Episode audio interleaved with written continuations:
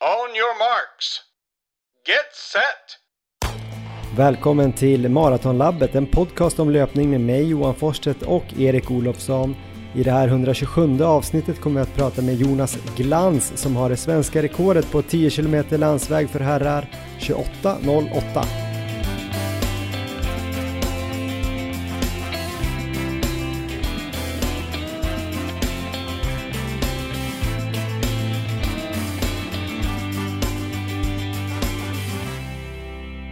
men då ska ni vara välkomna till det 127 avsnittet av podcasten Maratonlabbet med mig Johan Forsstedt och Erik Olofsson. I dagens avsnitt kommer ni få lyssna till den svenska rekordhållaren på 10 km landsväg för herrar, Jonas Glans som ju sprang milen på 28.08 i Dresden för snart ett och ett halvt år sedan. I fjol vann han även SM-guld på distansen och han kommer berätta hur han tränade inför de två loppen vilken alternativträningsmetod han tycker är bäst, varför han kör dubbeltröskel uppdelat på två dagar och hur viktigt det är att tänka på sin löpteknik. Typ så och lite mer kommer han prata om också. Ni kommer även få höra hur det gick för vår adept Big Mike Mikaela Bergman som ju sprang premiärmilen i lördags. Och så kommer Erik Olofsson alldeles strax antagligen berätta om en massa sjukt långa pass som han har kört sen sist. Eh, hur är läget Erik? Är du här med mig?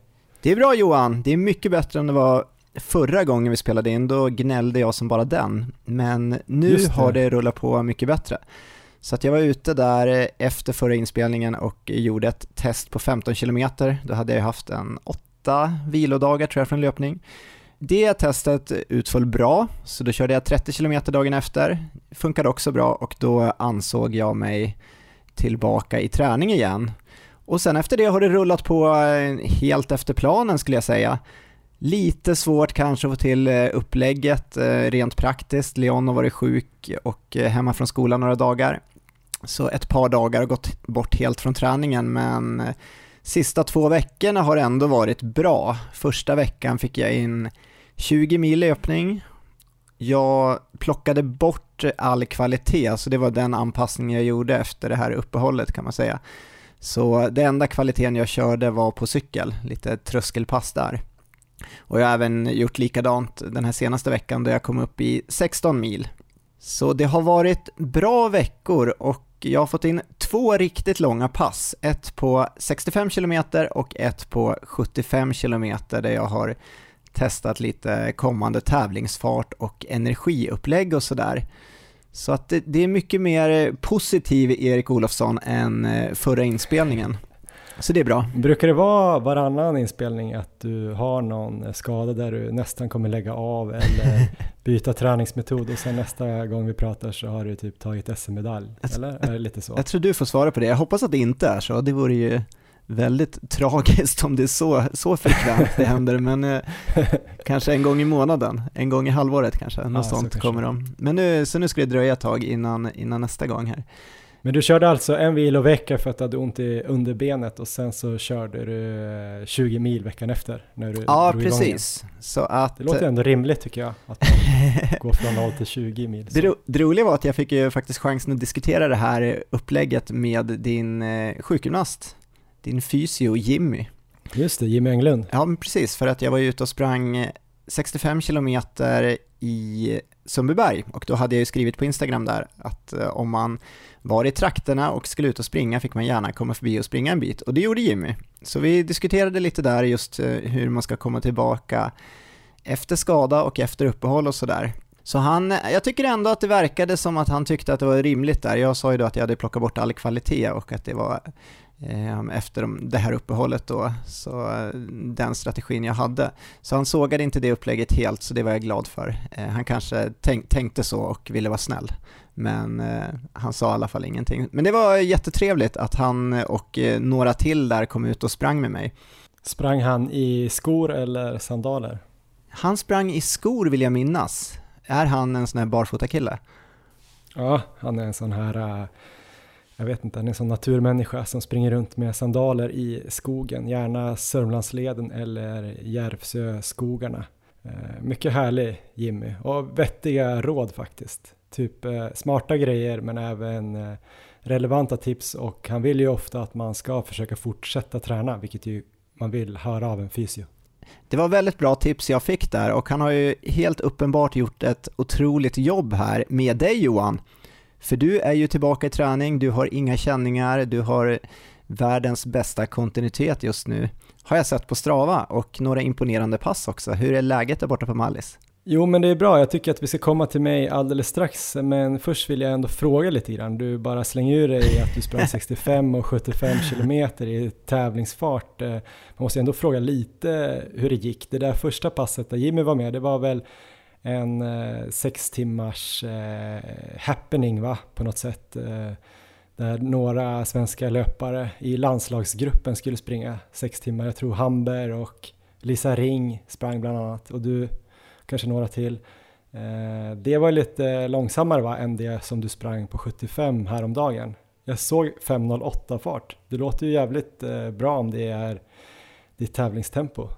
För då blir det väl svenskt rekord va, på 24 timmar?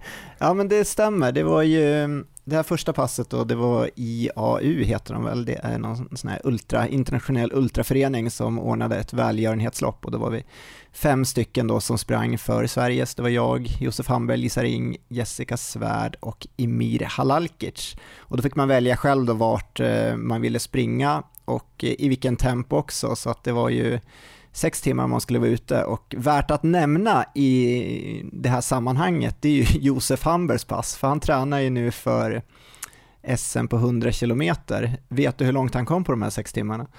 Jag tror att han hade typ eh, 4-10 snitt eller något sånt där kanske. Ja, han sprang alltså 84 kilometer vilket ju är ett otroligt bra resultat och då gjorde han det dessutom Eh, som ett träningspass när han började att springa så här i distansfart ett tag och sen så hade han väl om det var 90 minuter tävlingsfart och sen var han ner i distansfart igen och sen så Eh, 90 minuter i kvalitet och avslutade lugnt, så det var inte så här eh, jämn fart hela vägen. Så där har vi ju ett hett tips inför SM på 100 km. Josef Hamber tror jag kommer bli svårslagen. Så det var ju väldigt imponerande. Mitt pass var inte lika imponerande, jag tog mig då som sagt 65 km, men jag hade väldigt trevligt på vägen. Det var ju en härlig dag i Sundbyberg och jag sprang runt de här två sjöarna som ligger där, nu kommer jag inte på namnet på dem, men där det här loppet två sjöar runt brukar gå.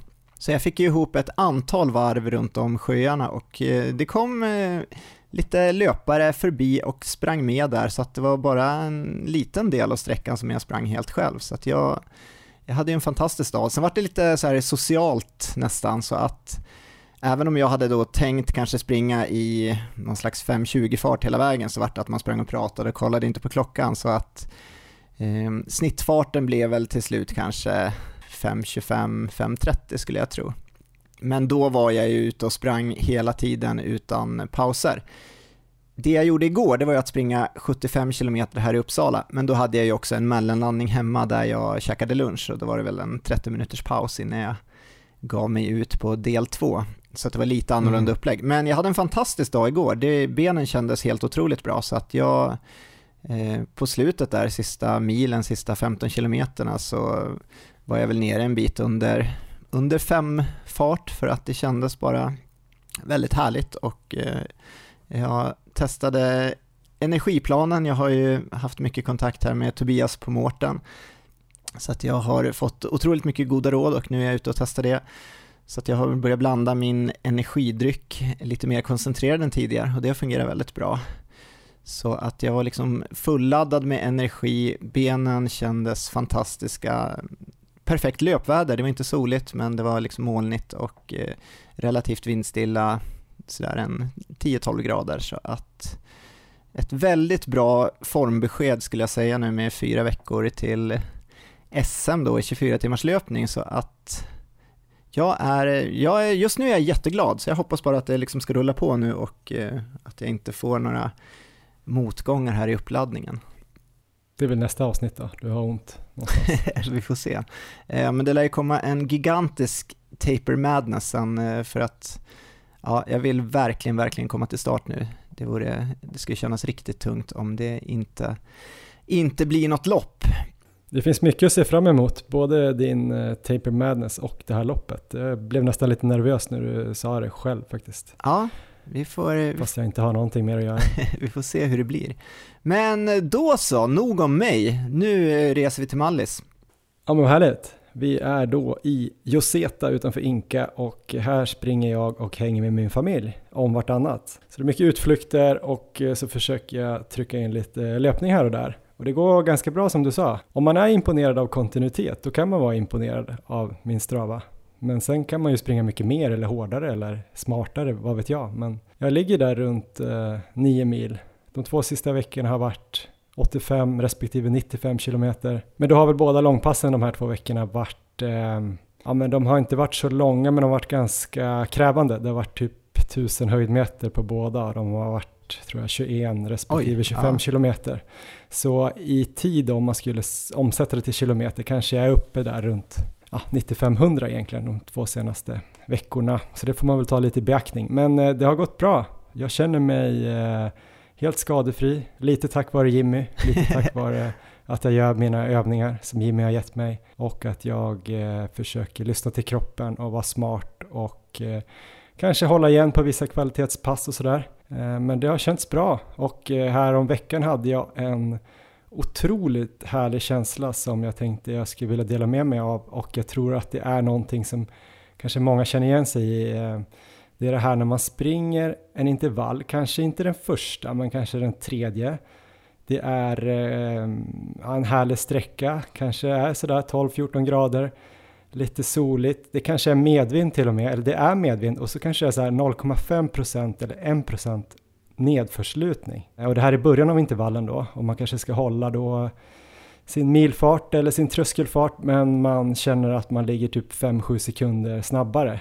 Men det känns helt lugnt, man känner sig helt oberörd. Och så tänker man alltid så här, det är typ så här snabb jag skulle vilja vara på platt underlag på ett lopp, alltså att det inte är medvind och det är bara platt.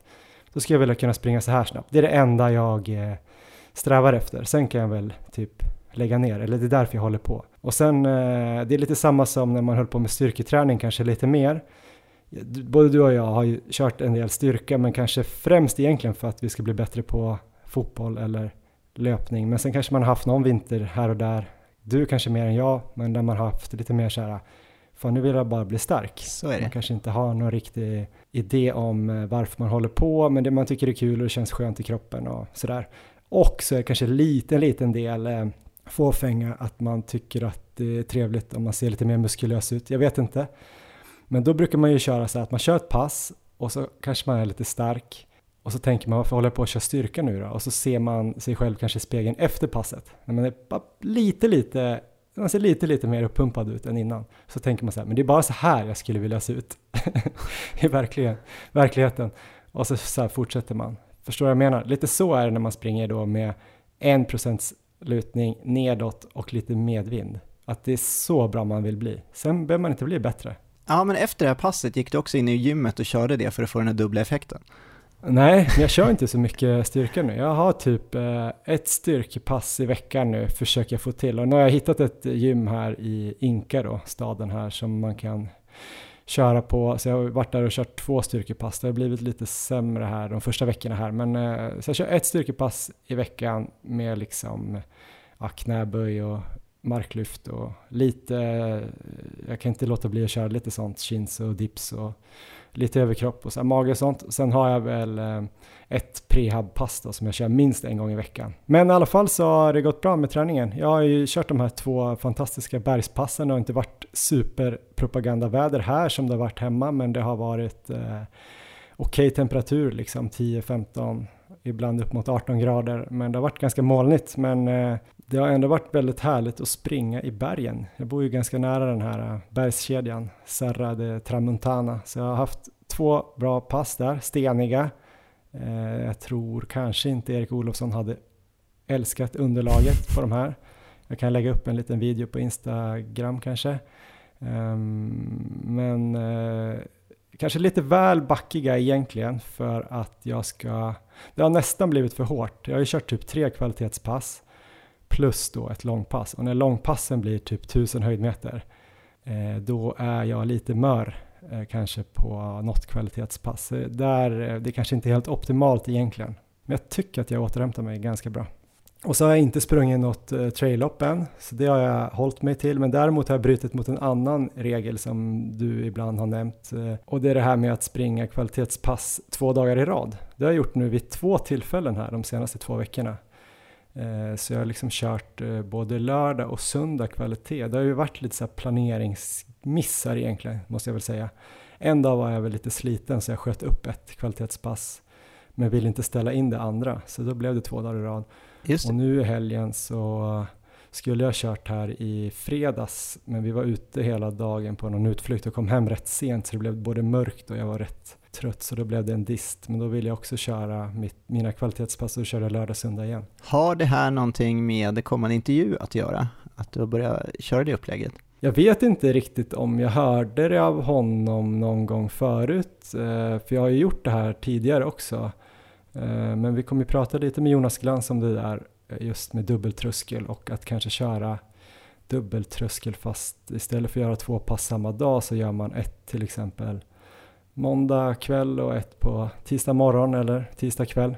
Och det har jag gjort några gånger förut också. Jag har alltid tänkt att det borde väl vara högst rimligt att dela upp det så. Men det kanske är visst, man får ju lite sömn emellan och kanske lite bättre återhämtning emellan om man, om man gör så. Men jag har tyckt att när jag har kört dubbeltröskel förut så har det varit ganska slitsamt för mig. Det blir ganska mycket fokus på löpning på en dag för det första och så tycker jag det går väldigt mycket tid. Eh, och det har varit lite svårt med barn och jobb och så. Så då har jag ibland kört eh, dubbeltröskel uppdelat på två dagar. Så jag är inte rädd för det om jag säger så. Men det som jag ska vara tydlig med det är att jag kör ju de kvalitetspassen då ganska kontrollerat. Ja. Som nu i helgen körde jag, i lördags eftermiddag körde jag 20 gånger 400. Men då körde jag typ i 330 fart, alltså 84 på varven, 30 sekunders vila. Så det är väl eh, milfart eller till och med lite, lite långsammare än milfart, så ganska snällt och sen körde jag fem 200 lite snabbare.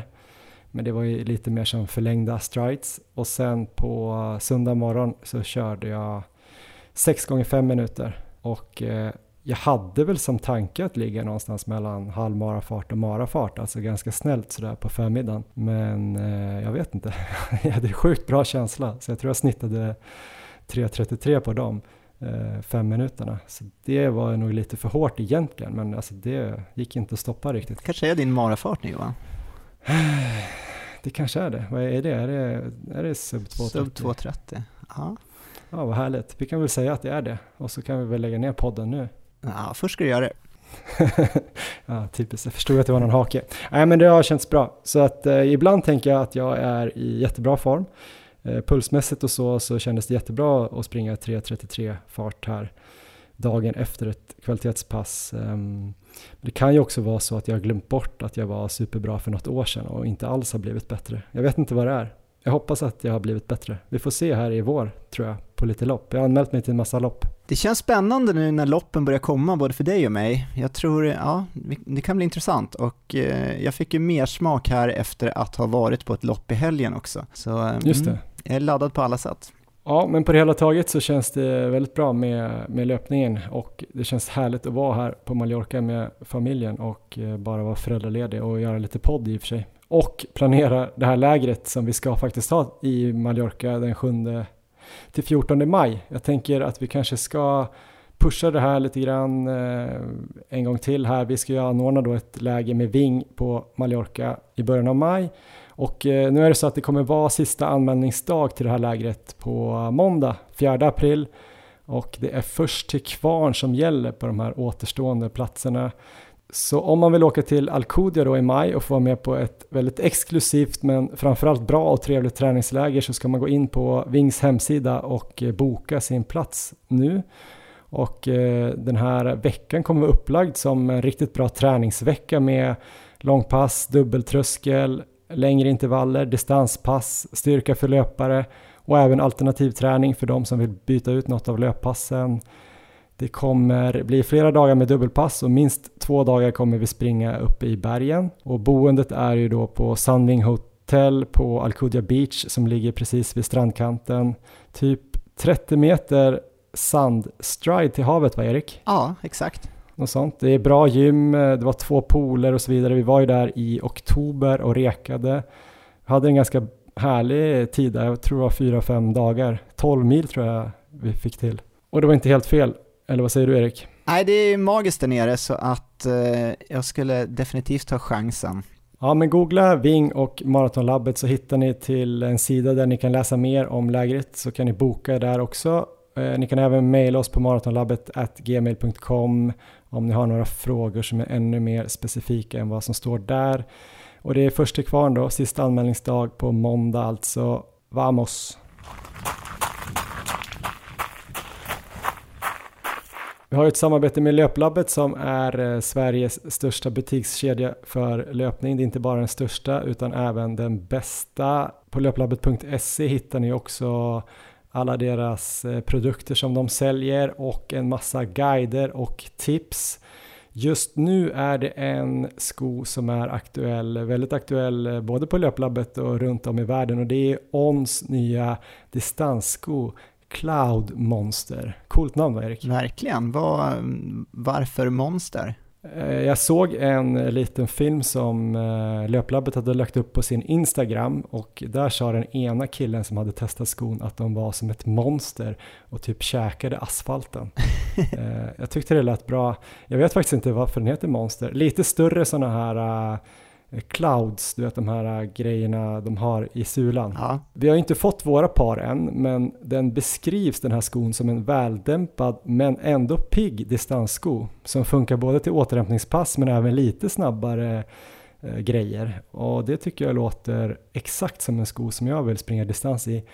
Eh, den väger 275 gram i eh, storlek 42,5 och det är 6 mm dropp Eh, och de här onskorna ska vara lite mjukare än tidigare onskor, vilket jag välkomnar. Jag tycker ju att eh, ons skor är bland de skönaste jag vet att ha på mig, men eh, jag har haft några löparskor från On som jag tyckte har varit lite, lite kanske hårda i sulan. Men eh, de här verkar vara mycket mer responsiva och mjuka studsiga, så det låter skitbra och jag har haft ett par onskor som sneakers nu i över ett år för att de är så sköna att ha på sig och även snygga. Och trailskorna där, Cloud Ultra och Cloud Venture har jag ju sprungit mycket med. Så att eh, jag tror det här kan vara en eh, sko som både du och jag eh, kan gilla Erik. Ja men det låter precis som eh, en sko jag är ute efter nu. Just att kunna köra lite strides i också kan jag tänka mig efter lite snabbare distanspass. Mm, jag hoppas att vi, eh, i alla fall någon av oss, jag vet inte om de kan skicka skorna hit till Spanien. Vi får väl se eh, om de lyckas med det on eller löplabbet. Eh, du borde ju få ett par skor snart och då kanske du hunnit testa dem till nästa avsnitt. Eh, man kan ju också kolla in då löplabbets Instagram om ni inte har gjort det. Ett av deras senaste inlägg är en recension av Cloud Monster. De heter då löplabbet på Instagram helt enkelt. Eh, kolla in dem. Sen har vi också ett samarbete med Flowlife som just nu ger alla Maratonlabbet-lyssnare en rabattkod på 20% eh, på alla produkter på ordinarie pris och den ger 10% på alla rabatterade produkter. Koden är då mycket enkel, den är Maratonlabbet helt enkelt. Det känns ju kul att de vill ge lite eh, rabatt till våra lyssnare, eller hur Erik? Det är ju fantastiskt bra och det ska man ju verkligen utnyttja. De har ju flera produkter som jag är ett stort fan av. Jag vet inte hur många gånger vi har hyllat Flowpillow, men jag tycker det är ett måste för alla löpare. Sen har jag dessutom nu fått chansen att testa deras yogamatta, den här Flowmat. Jag har ju en som är hemma hos dig, den har jag inte lyckats ja. Eh, få tag på innan du drog till Spanien, men nu har jag i alla fall fått prova hur bra den verkligen är och den är ju otroligt härlig, väldigt bra fäste och eh, bra tjocklek så att eh, den ser jag fram emot att få hem själv sen. Mm.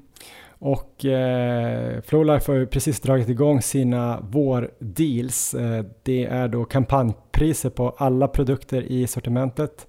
Både då de här massagepistolerna som vi har pratat tidigare om, massagekudden och Flowpillow och eh, de här Flowtank, eh, de här hemmaträningsprodukterna och eh, då den här yogamattorna till exempel. Och eh, om det då redan är ett, eh, ett kampanjpris på de här produkterna då får man 10% med koden Maratonlabbet. Är varorna inte nedsatta i pris får man 20% med koden Maratonlabbet. Eh, superbra, tack för det Flowlife. Ja, men nu är det dags för eh, det här avsnittets intervju. Vi har då pratat med Jonas Glans som har det svenska rekordet på 10 km landsväg för herrar 28.08 och han har ju faktiskt bara gjort fyra starter på den här sträckan Erik. Ganska imponerande ändå. Ja, det är ju en eh, helt ofattbar tid egentligen. Jag kommer ihåg när jag kollade på Jonas när han sprang där SM på Anderstorp. Det var ju inte den tiden han gjorde då, men då var det ju mer för placering och eh, alltså avslutningen han har, spurten är ju helt sanslös. Jag vet inte vad jag skulle ge för att eh, få hans spurt mycket. Och det här loppet han gjorde då i Dresden när han satte det svenska rekordet så hade han ju en kilometer, jag tror det var mellan 7,5 och 8,5 den kilometern gick i 2.40. det är snabbt. ja, det är jävligt snabbt. Ja, men ni ska få lyssna till Jonas här. Han är en skön och eftertänksam typ som eh, är liksom lite hälsosamt intresserad av träning låter det som. Här kommer Jonas Glans. On your marks. Get set. Ja, men då ska vi varmt välkomna Jonas Glans till podden Maratonlabbet. Hur är läget Jonas? Jo tack, det är okej. Okay. Eh, försöker komma tillbaka lite efter dels corona, dels magsjuka och dels en eh, hemsk renovering som aldrig tar slut. Jaha, hur ser eh, rehabiliteringen ut från de där tre sakerna då? Ja, jag vet faktiskt inte riktigt. Jag har ingen rehabiliteringsplan. Eh, jag ska köpa glass och... Ja, glass. Jag ska äta mycket glass. För jag har inte haft ett kylskåp på en månad nämligen, så nu, nu ska jag äta glass. Just det, jag brukar ha glassen i frysen ja, men ja. Eh, det blir nog bra ändå. Jag tänkte så här i början, jag tänkte gå rakt in här. Alltså fram till för två, tre, kanske fyra år sedan var du ju medeldistansaren Jonas Leandersson med 3.36 på 1500 meter som eh, bästa resultat. Amen. Nu senaste åren har det ju varit 10 km S Jonas Glans. Eh, vilken löpa Jonas tycker du bäst om? Oj, alltså ja, det var... Eh, jo, men jag gillar mig nu. Jag tror jag är mer bekvämare nu eh, som löpare. Eh, för att det tar inte upp hela min tankekraft längre. Eh, så okay. det, är nog skö, det är nog skönare att vara Jonas Glans löparen än Jonas Leandersson. På vilket sätt skiljer de sig åt, eller skiljer de sig åt? Nej men att jag nog bara har eh, distanserat mig mer från det egentligen. Och det har varit skönt. Eh, sen skulle jag gärna gå tillbaka och, och vara eh, som det var liksom för fem sex år sedan. Där det var löpning och inget annat. Det var ju också kul. Men det var lite mer press och lite mer, eh, lite mer förväntningar. Men jag har det bra nu. Ja, och eh, som Jonas Glans så sprang du ett otroligt bra lopp eh, den 8 november 2020 i Dresden när du sprang 28.08 på 10 km landsväg och slog Mustafa Mohammeds 12 år gamla rekord på ditt enda lopp 2020. Eh, så här i backspegeln, nu har det ju gått, eh, vad är det, ett och ett halvt år. Kan ja. du förstå hur det där gick till egentligen? Hur, hur, det, hur det kunde gå till då? Nej. Det, det, det var rätt svårt att ta in då. Alltså jag har väl alltid tänkt att jag, har den att jag hade den kapaciteten och så vidare men jag tyckte ju inte jag förtjänade på något sätt utifrån hur jag hade tränat liksom, de sex månaderna innan dess. Så det var ju rätt chockerande. Så, eh, men absolut, eh, jag, jag tycker ju fortfarande på något sätt att mina 3.36 är mer imponerande. Eh, mm som löpare absolut tyckte jag att jag förtjänade att göra 28.08. Men just då och på det sättet och med den förberedelsen så, så eh, var jag ju chockad. Och eh, är du fortfarande, eh, alltså inte chockad såklart, det borde ha sjunkit in, men så här i, ja, men lite tid så här i retrospektiv, kan du förstå det då bättre på något sätt? Inte rent... Alltså jag, jag är jävligt stolt över det. Eh, det är mm. väl mest det jag tar med mig från det. Liksom. Alltså, just där och då i den stunden så var jag väldigt stark. Eh, alltså i huvudet eh, framförallt. Att jag liksom... Jag märkte liksom halvvägs in i loppet att jag hade en chans som jag absolut nog då tänkte att jag aldrig skulle få. Att jag aldrig skulle liksom befinna mig i en sån situation där jag kan göra mitt livs bästa lopp någonsin kanske och slå ett svenskt rekord och så vidare. När det infann sig liksom mitt i loppet eller med, efter 6-7 kilometer, då det är nog lätt att fega ur där på något sätt. Eh, speciellt med det tanke på den bakgrunden jag hade. Att eh, liksom, jag hade tankar på att jag kanske kunde som bäst göra 29.30 eller något i det loppet. Och när man då märker att ja, men shit, du går ner mot 28, då skulle jag likväl på något sätt kunna ha fegat ur och eh, saktat ner eller någonting. Eller så att, liksom, eh, bara för att safea hem det på något sätt. Eh, men just i den situationen så, så valde jag liksom att kötta på, liksom, just med känslan att det här kommer aldrig, jag kommer, alltså, jag kommer aldrig få den här chansen igen. Eh, det är helt sjukt att jag ens är, har den chansen här och nu. Och eh, att jag tog den då och att det blev bra, Eh, det är jag bara jävligt stolt över.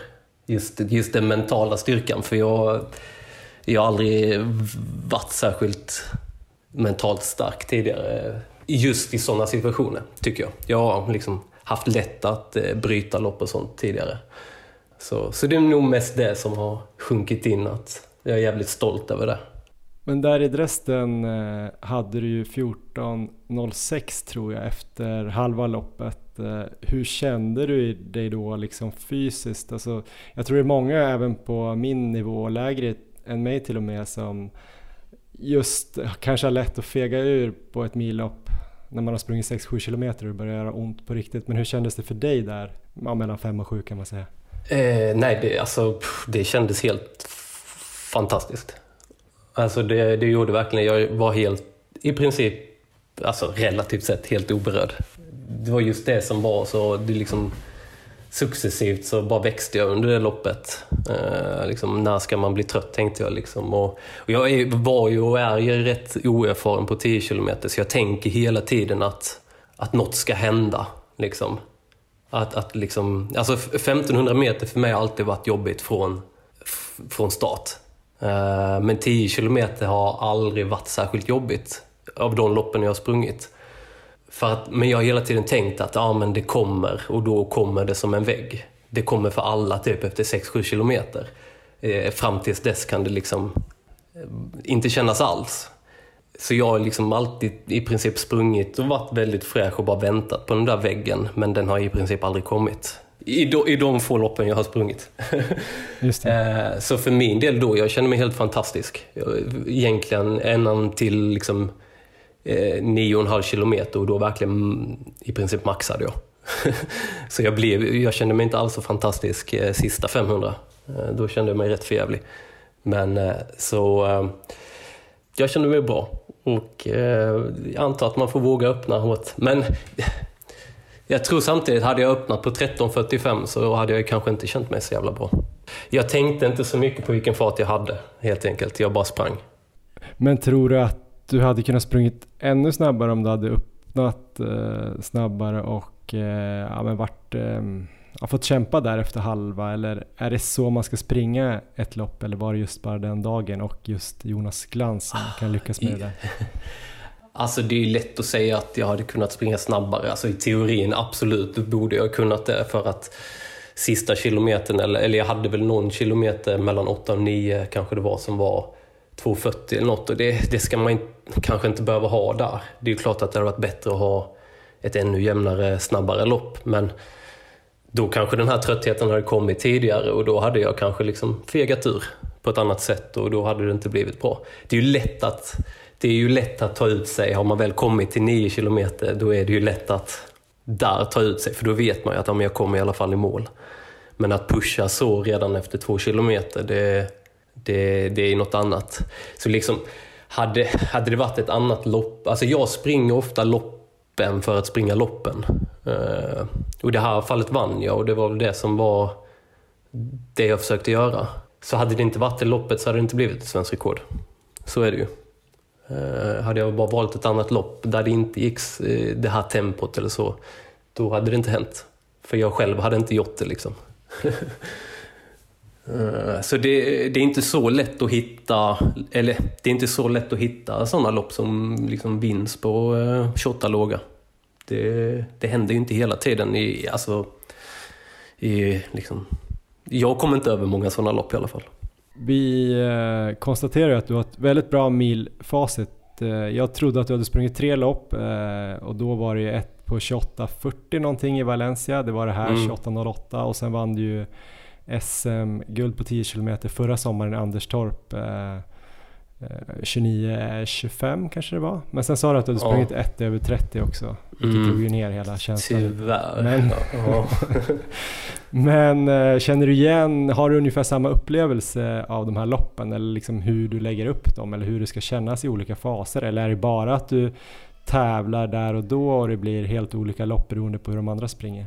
Ja, jag skulle säga det sista där. För att alltså även om jag har svensk rekord och jag har vunnit SM på det så anser jag mig extremt oerfaren för att springer man, har man sprungit fyra 10 km lopp utspritt på, vad blir det, sen 2000, ja men typ på fyra år.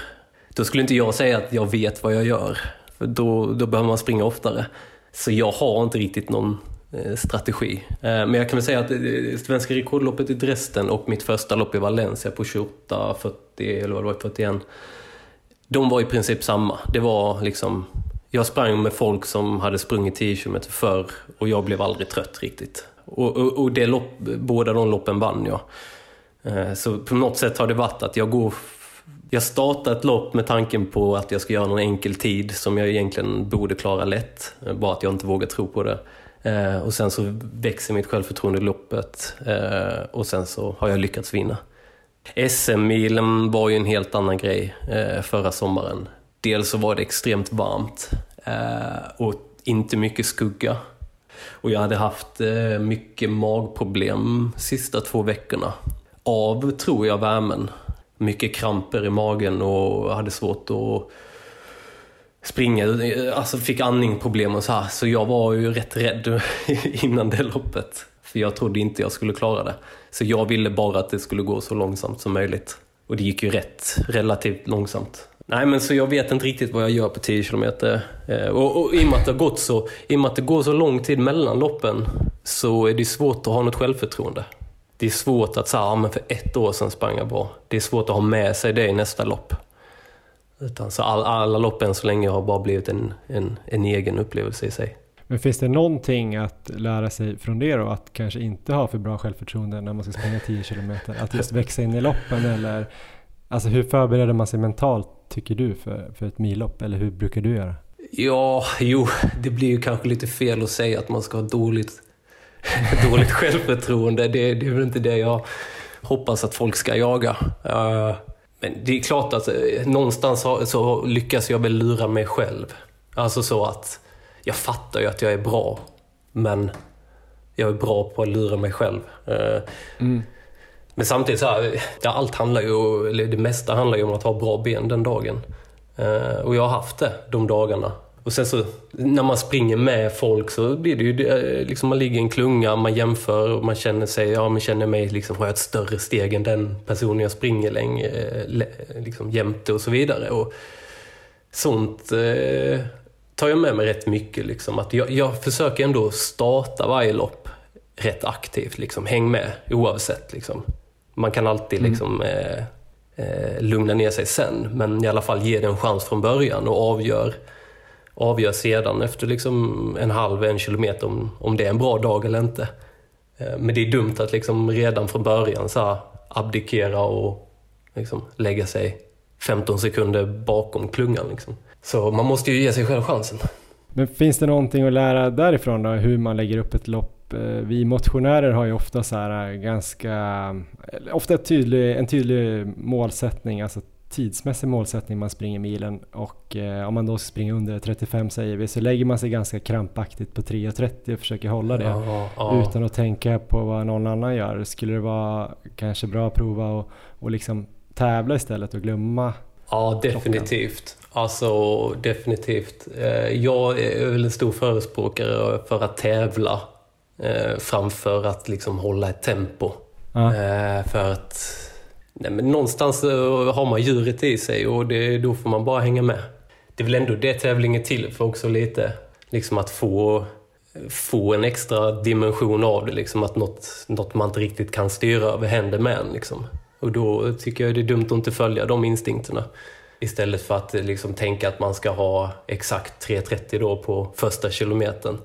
Man ska inte jobba emot sin kropp. Liksom vill kroppen springa öppna på 3.20, 3.22, varför, varför bromsa in och... Nej, det tävla mer. Det är väl det jag skulle... Och kanske strunta lite i GPS-klockan. Och, eller för det första, skit i GPS-klocka överhuvudtaget om du springer ett lopp. Ja. Eh, lita på markeringarna istället. Jag, eh, kör, jag lånar alltid min tränares gamla Casio-klocka eh, på de milloppen jag har kört. För jag vill inte ha en, en onödig GPS-klocka. Nej, men jag tror också till och med, jag för mig att när David Nilsson slog jag tror det var halvmaratonrekordet i, han var i Japan tror jag. Mm, mm. Då är jag för mig att han sprang utan klocka helt och hållet. Det, det kanske inte är sant, men jag för mig, och det tyckte jag då var rätt sant. Fan, du, alltså halvmara utan klocka överhuvudtaget. Bara, bara körde på känsla. Det kanske inte ens stämmer, men så, eh, jag tycker det är något att ta med sig. Liksom, att Stirra inte blind på farterna. Har du en bra dag, kör och då kommer det gå snabbt. Blir du etta så, så går det snabbt. Och om det inte gick snabbt så vann du i alla fall. men hur kommer det sig att du ändå har haft klocka då? Överhuvudtaget? Uh, jo, men någonstans så har det nog varit för att jag har känt mig så oerfaren. Och just i Dresden så hade jag ändå ett tidsmål. Uh, för att jag, jag, kände egentligen initialt att jag inte var på den nivån som de andra var. Eh, för det snackades mycket om 28-30 och sånt där och jag bara, nej jag ska göra 29-30. Eh, det är min tanke, för jag skulle bara egentligen göra en okej okay tid för att rädda mitt kontrakt med klubben. För att jag, så att jag skulle kunna få lite pengar. Men sen så kom den där instinkten in i loppet och då, då hade det ju varit jävligt dumt om jag hade backat för att springa 29.30. Man får vara lite spontan i stunden. Men när du eh, kände innan där att du skulle springa 29.30, vad hade du gjort för typer av pass då som, eh, som gjorde att du trodde att det skulle bli ungefär den tiden och, och så här i efterhand, eh, kan du se pass du hade gjort som eh, talade för att du skulle kunna göra 28.08? Nej, men jag tycker fortfarande inte att jag hade gjort några pass även i efterhand liksom, som jag tycker så här, pekade på att oj, nej, du, det var ju klart att du var mycket bättre än så. Eh, jag tyckte inte det inför och jag tyckte Nej, jag tyckte inte jag gjorde något som pekade på det. Men sen har jag alltid varit rätt bra... Alltså jag gör inte så imponerande träningspass. Jag tror jag är rätt bra i stunden. Jag, jag är rätt bra på att få ut det jag kan. Jag får ut det på tävling istället för träning. Du nämnde där i början att eh, du var lite chockad efter loppet och att eh, den träningen du hade gjort sista halvåret, att, eh, att du kanske inte förtjänade att springa 28.08 på den träningen. Men hur hade det sett ut eh, inför där och de senaste veckorna inför, eh, hur tränade du? Alltså jag, nu, jag minns ju inte exakt och mm, mina träningsdagböcker jag slutar alltid skriva dem när det går när, när jag blir sjuk eller jag blir skadad eller något så. Men jag, jag för mig att jag var, jag, bör, jag hade varit skadad, jag vet inte hur länge. Men jag tror jag började jogga någon gång i augusti. Och sen successivt tog jag mig upp till vad som är full träning för mig eh, i typ kanske sex veckor innan. Och, sen så, och då, då kanske jag sprang en 8, 9, 10 mil i veckan och cyklade en hel del. Liksom bara Istället för att ut och springa de där extra sex milen. Så, så jag minns inte jättemycket så här, eh, så här, att jag tränade på ett visst sätt. Det var väl lite att jag kanske körde istället för den här Ingebrigtsen dubbeltröskelträningen så som jag gärna hade gjort om jag hade klarat av det. Men jag gjorde min variant av det att liksom köra två dagar i rad istället av någon form av intervaller, lättare intervaller. Mm. Och sen så vilade jag två dagar från intervaller och sen så körde jag två dagar av intervaller igen. Eh, så det var väl kanske det upplägget jag hade då. Och det enda jag minns som jag kanske gjorde, som kanske inte är det alla andra gör, det var att jag körde rätt mycket på ett eh, så här kurvat löpband. Woodway tror jag det heter. Ett sånt eh, löpband man driver själv som inte har en motor utan eh, det drivs för att det är kurvat när man springer på det. Och det tycker jag är jävligt bra, så då körde jag nog typ så här en-minutare på det, så 20 gånger en minuter. Så det var väl egentligen det, liksom, där jag fick någon form av liksom, mjölksyra, tålighet. Det kör du riktigt hårt? Alltså inte riktigt. Alltså det är det som är det fina med det där löpandet. För man behöver inte köra riktigt hårt för att bli riktigt bra tränad. det, det borde du testa. Om du inte redan mm. har gjort det. Uh, för man, uh, det känns som man springer rätt lugnt men man får liksom precis den träningen man behöver. är det liksom mer muskulärt då? Eller, ja, eller det, det, alltså dels så tycker jag det triggar ett bra löpsteg. Det går liksom inte springa på det löpandet med en dålig löpteknik tycker jag. Eh, så den liksom framtvingar en bra hållning och så vidare. Och sen i och med att det är kurva så blir det lite som att springa i backe. Eh, så jag tror att det var väl de liksom det, det blev mina nyckelpass utan att det var tanken att det skulle bli mina nyckelpass. Så jag körde väl det liksom en gång i veckan, typ 20 gånger en minut med en minut vila. Så det är väl det jag minns som jag nog tog med mig mycket från den träningsperioden. Just. Och vilket jag bibehåller än idag, eller försöker i alla fall. Nu säger du inte att du minns exakt då, men om du tänker den här omgjorda Ingebrigtsen-träningen då. Om man ja. säger att du tränade ett eh, lite hårdare pass måndag och så kanske du cyklade en distans och sen tisdag ett hårt pass till och en cykeldistans. Vad kunde det vara då? Det kunde vara 20 gånger en minut på det där löpandet en dag. Vad kunde nästa dag vara? Jo men det var väl, alltså det var väl rätt standard de andra dagarna. Det var väl typ så här 4 eller 5 gånger 2000 den ena dagen. Ja. Uh, liksom inte det är svårt att säga farter för man måste ju relatera det till tävlingsfart. Men jag hade väl kanske, jag vet inte, på 3.06 kanske. Eh, vilket då var liksom ett rätt lätt pass, eller man ska säga så. Dagen efter kanske det var 10 gånger 1000 eller 8 gånger 1000 eh, på kanske 3, eh, 2.58 kanske. Och sen var det då det där, det där andra passet på, på löpandet. Det var typ det det bestod av. Och så rullade det runt på det. Inget konstigt. Och sen hade du ett en eller två lugna dagar mellan de där två hårda? Mm. Ja, ja det, jag, jag, vill minnas det. Ja, det, vi säger så. det var ju inte såklart alltid det blev så, men, eh, men ja, det var nog det som var grejen. Två dagar hårt, eh, två dagar lättare. Och sen som sagt, jag cyklar mycket, men då var det väldigt... Eh, det var en vanlig spinningcykel och det var inte... Jag körde inga intervaller riktigt, utan det var mest för att ersätta hade jag kunnat så hade jag sprungit 16 mil i veckan, men det funkar inte för mig. Men jag kan heller inte inte träna. Så, så då ersatte jag väldigt mycket av löpningen med en vanlig cykel. Och då var det cykelpass som var 45 minuter ja. till en timme då? Ah, usch, en timme klarade jag inte att sitta på en vanlig spinncykel. så det var nog, fick jag ihop 45 så blev jag glad. Eh, men det har jag hittat lösningen på nu. Uh, vilket, för att hoppa, hoppa före det lite kanske, men jag har hittat ett ännu bättre träningsredskap senaste året och det är uh, assaultbiken. Ja, jag, bara, jag bara använder massa crossfit träningsredskap nu. Ja. och den är dels liksom mer, alltså om man jämför med en spinningcykel så är den mer, tycker jag, löp, alltså man kan få samma mer liknande trötthet jag kan liksom efterlikna till och med löpintervaller, vilket jag aldrig har kunnat med en vanlig spinningcykel. Plus att man blir inte svettig. Eller man blir ju svettig, men svetten torkar för att eh, assaultbiken liksom drivs ju av vindmotstånd. Just det, får som en eh, inbyggd fläkt. Precis, och det var alltid mitt problem med en vanlig spinningcykel. För till slut var det bara så olidligt att sitta där supervarm och superblöt. Och folk stirrade på en för att man var liksom svettig och äcklig. Så, eh, så lösningen är assaultbiken. Och då kör du hårda pass på den då? Och ja, de som precis. inte vet vad en assaultbike är ju en sån där man driver med armarna och eh, benen. Ja, precis. Ja. Och, det, och den är ju lik eh, det kurvade löpandet i den meningen att eh, liksom du själv liksom styr eh, liksom belastningen och väldigt, väldigt bra själv. Liksom. Eh, inga motstånd som du liksom reglerar. Så där kör jag väldigt mycket nu. Så nu kör jag aldrig en vanlig spinningcykel. Och nu har jag till och med börjat ersätta... Alltså jag ersätter väl inte löpintervaller, men däremot så lägger jag nog till intervaller på, på den här assaultbiken nu för tiden.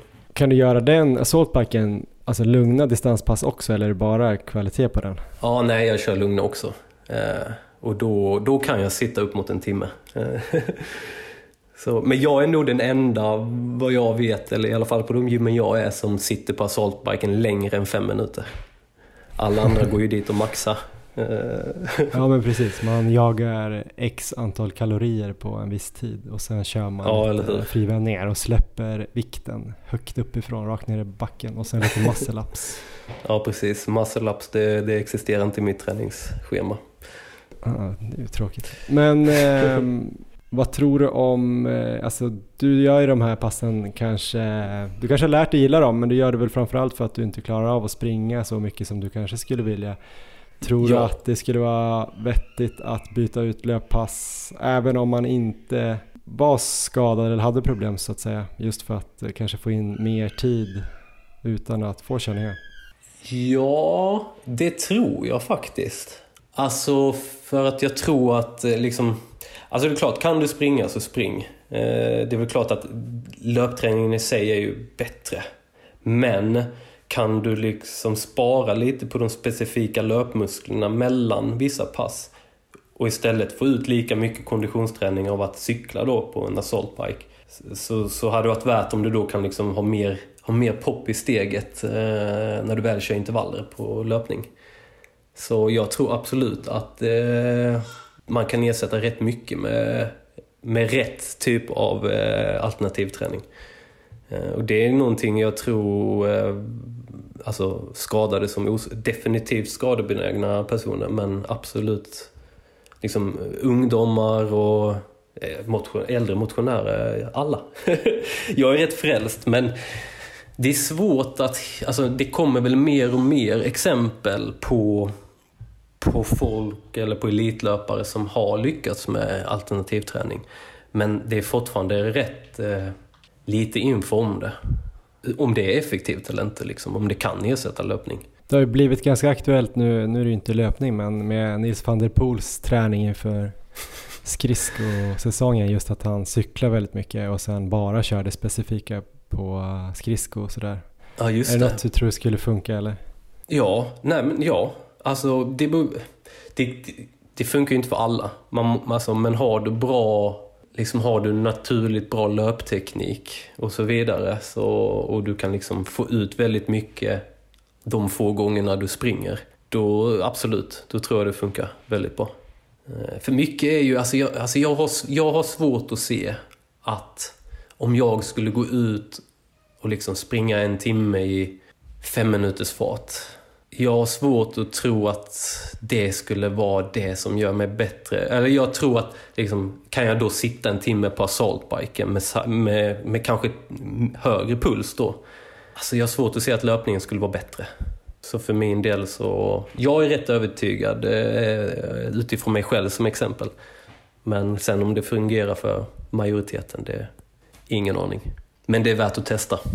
Om man tar en sista grej där inför Dresden. Eh, jag fattar att det är helheten som på något sätt gör ett träningsprogram, men fanns det några där specifika 10 km pass som du ändå gjorde för att vässa formen inför det loppet?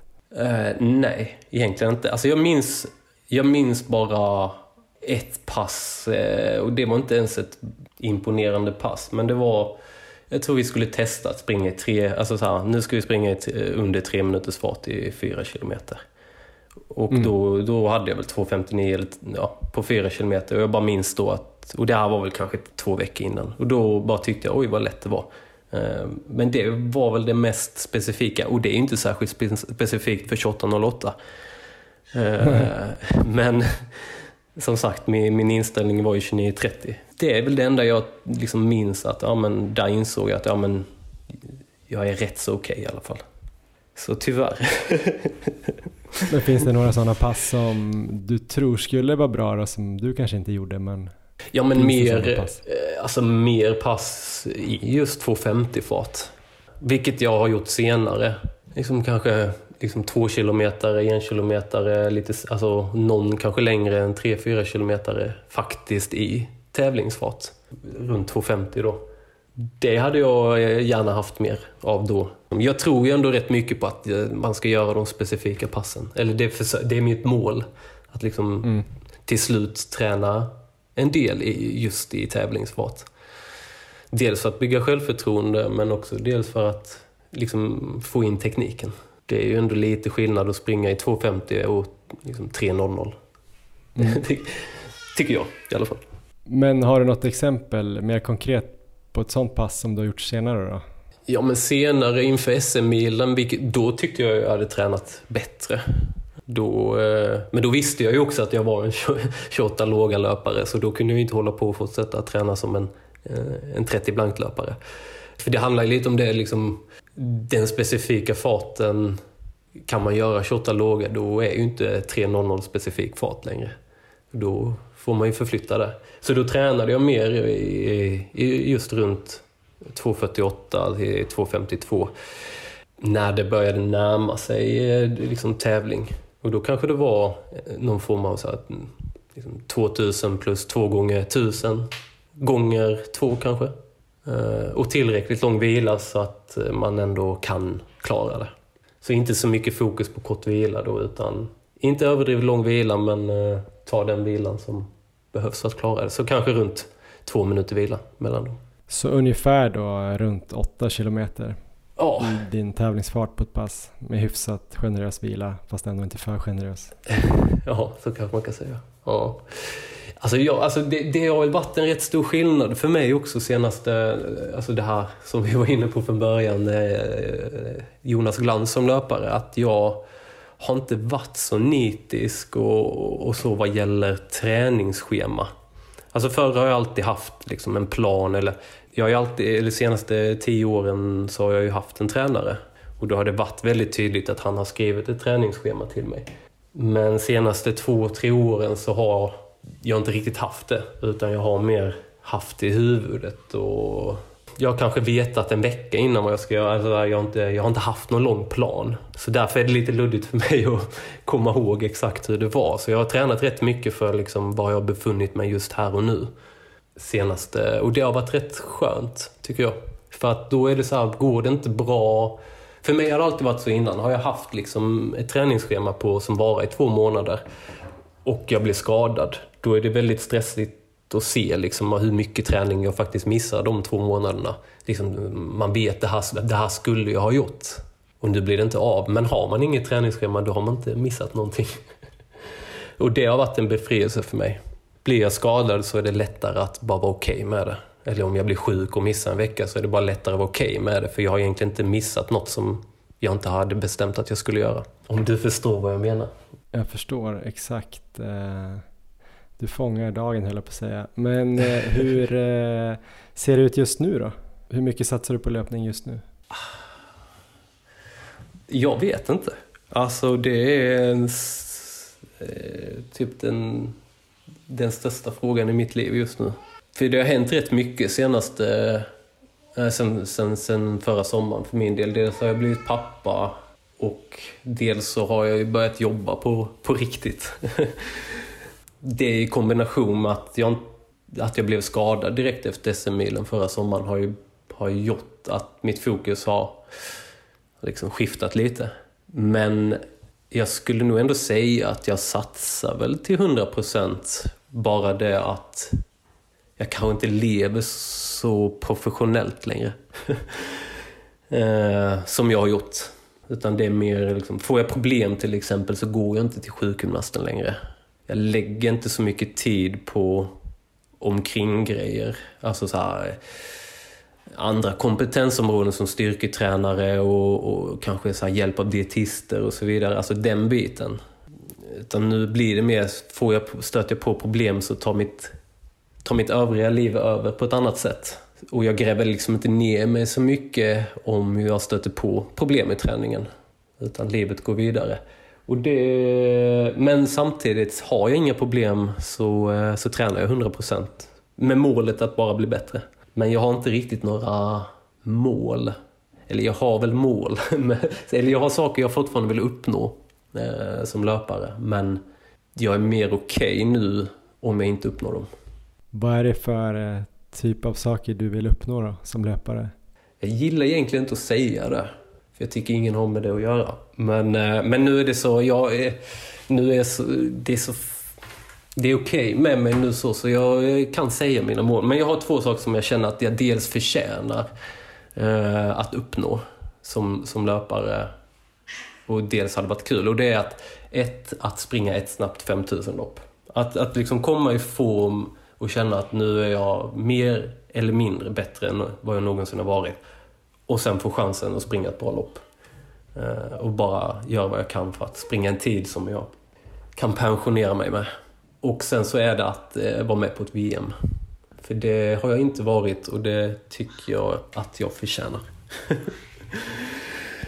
så det är egentligen de två sakerna jag har kvar. Eh, som jag vill, som jag känner att det, det är det enda som betyder något för mig rent karriärmässigt. Men hänger de här två målen eh, ihop eller? Nej, inte nödvändigtvis. Eller du tänker att det måste vara just 5000 jag springer på VM? Nej, inte måste, men att eh, springer du ett riktigt, riktigt bra 5000 meters lopp så kanske det kan bli ett VM. Ja, Är det, på den nivån du tänker så, tider eller? Alltså jag, jag, alltså jag tycker min kapacitet, alltså ja. Nu har ju kvalsystemet eh, ändrats eh, mot min fördel. Eh, till VM. Tidigare så var det en kvaltid som man behövde klara och sen så klarade du den så fick du åka. Nu samlar man ju poäng över flera lopp och jag och flera lopp är inte riktigt, går inte ihop. för, för poängen eh, håller bara ett år och inte i fyra år. Som jag hade behövt.